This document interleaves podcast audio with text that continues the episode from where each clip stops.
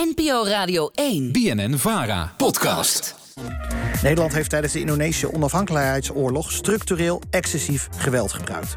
Politiek Den Haag keurde dat stilzwijgend goed. Dat blijkt ook uit uh, uitgebreid onderzoeksrapport dat een jaar geleden verscheen. Maar morgen debatteert de Tweede Kamer over dit onderzoek. En dat is ook hard nodig, volgens Kamerlid van GroenLinks, Corine Ellemeet. Mevrouw Ellemeet, welkom. Welkom. Hoe belangrijk is dat, uh, dat dit debat morgen plaats gaat vinden? Het is ontzettend belangrijk. Het is uh, bijna 80 jaar na uh, het, de start van die onafhankelijkheidsoorlog in 1945. Het heeft decennia lang uh, geduurd voordat we eindelijk een gedegen onderzoek hebben gedaan, of laten doen, hè, onafhankelijk, naar die rol van Nederland in dat conflict, in die oorlog. En nu eindelijk hebben we daar een, een groot debat over met de minister-president, de minister van Buitenlandse Zaken en de minister van Defensie. Ja, laten we heel even terugblikken naar het excuus van de koning uit 2020 in Jakarta.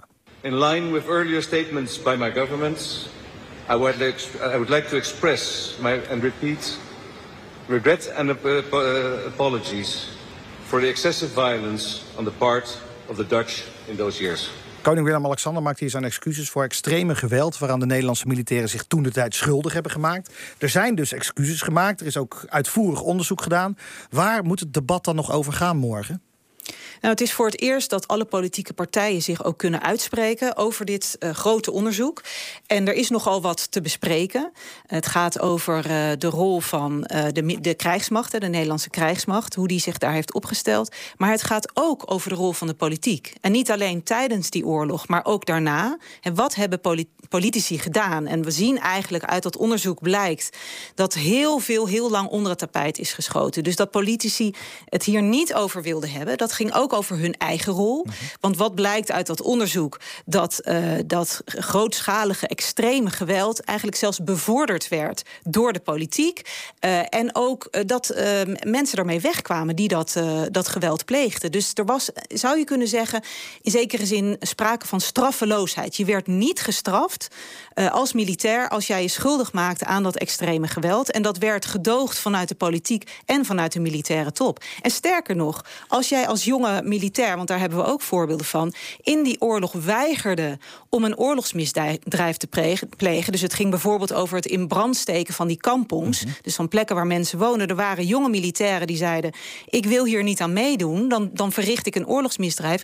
Dan kreeg jij een hele zware straf opgelegd, omdat je een bevel niet uitvoerde. Dus het gaat ook over die rol van de politiek. Ja, maar het officiële regeringsstandpunt van toen, dat de krijgsmacht zich als geheel in Indonesië correct heeft gedragen, dat heeft de regering Rutte vorig jaar al herroepen.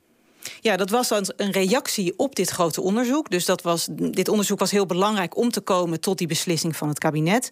Wij moeten dit nu ja, met de Kamer bespreken. En het gaat ook over hoe verhouden wij ons nu tot Indonesië. Indonesië vond dit ook belangrijk dat dit onderzoek gedaan werd.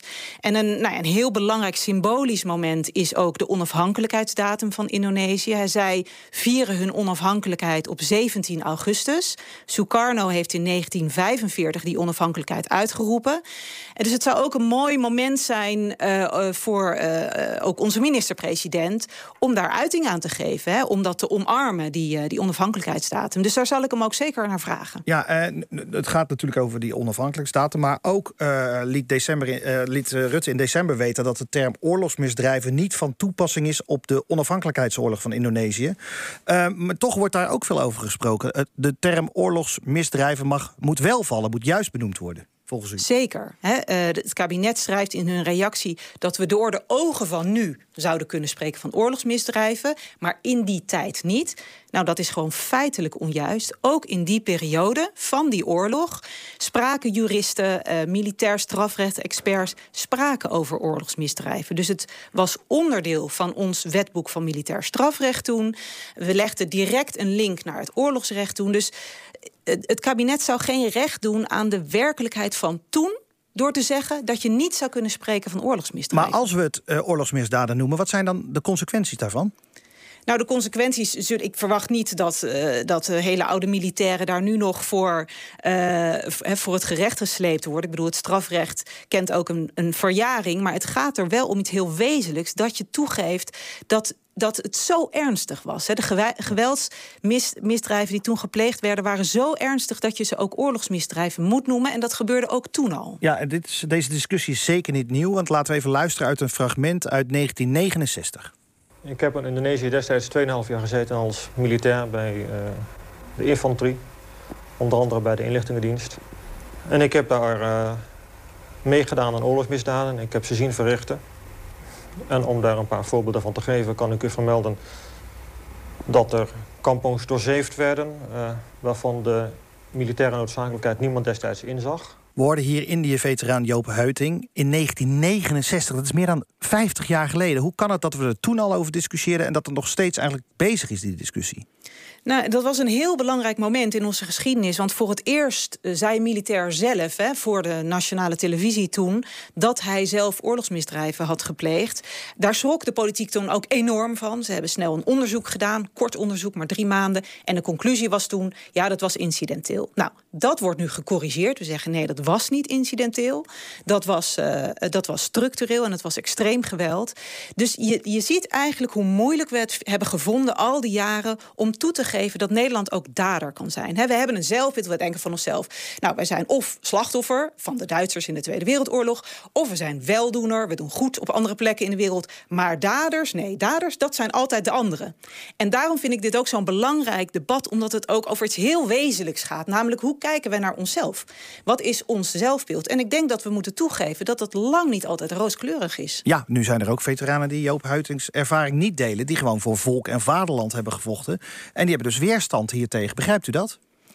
Nou, ik begrijp dat dit ook een heel pijnlijk en gevoelig onderwerp is voor veteranen. En wat ik ook zo interessant vind aan dit onderzoek is dat het laat zien dat ook de veteranen in de steek gelaten zijn door de Nederlandse politiek. Zij werden op een onmogelijke missie gestuurd. Zij konden niet slagen.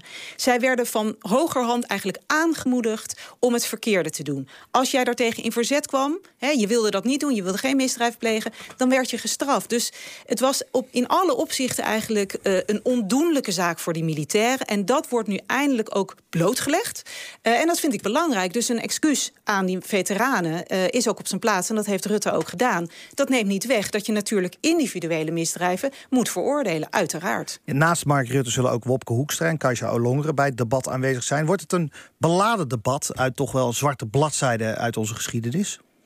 Ik denk het zeker. Ik denk dat de, uh, ja, de politiek het nog steeds lastig vindt uh, om dit uh, ruiterlijk toe te geven. Ik zal het kabinet dus ook bevragen op die term mis, oorlogsmisdrijven. En tegelijkertijd heeft Rutte in zijn eerste reactie ook belangrijke woorden gesproken. En ook toegegeven van dit, dit was helemaal mis. En ik denk dat het ja, onderdeel eigenlijk is van, van het verwerken van een trauma. Want een oorlog is natuurlijk een trauma. De enige manier waarop je eruit kan komen is door te doen aan waarheidsvinding. En daarom is dit onderzoek zo belangrijk. En ook dit debat. Dit draagt bij aan waarheidsvinding, aan de waarheid van onze eigen rol in dit gewelddadige conflict onder ogen zien, uh, erkennen wat we hebben verkeerd gedaan en ook weer doorgaan en te kijken, nou ja, wat kunnen we nou samen met Indonesië nog doen om uh, nou ja, recht te doen aan onze gedeelde geschiedenis. Het zal een intens debat worden. Dank u wel, Corine Ellemeet, Kamerlid van GroenLinks.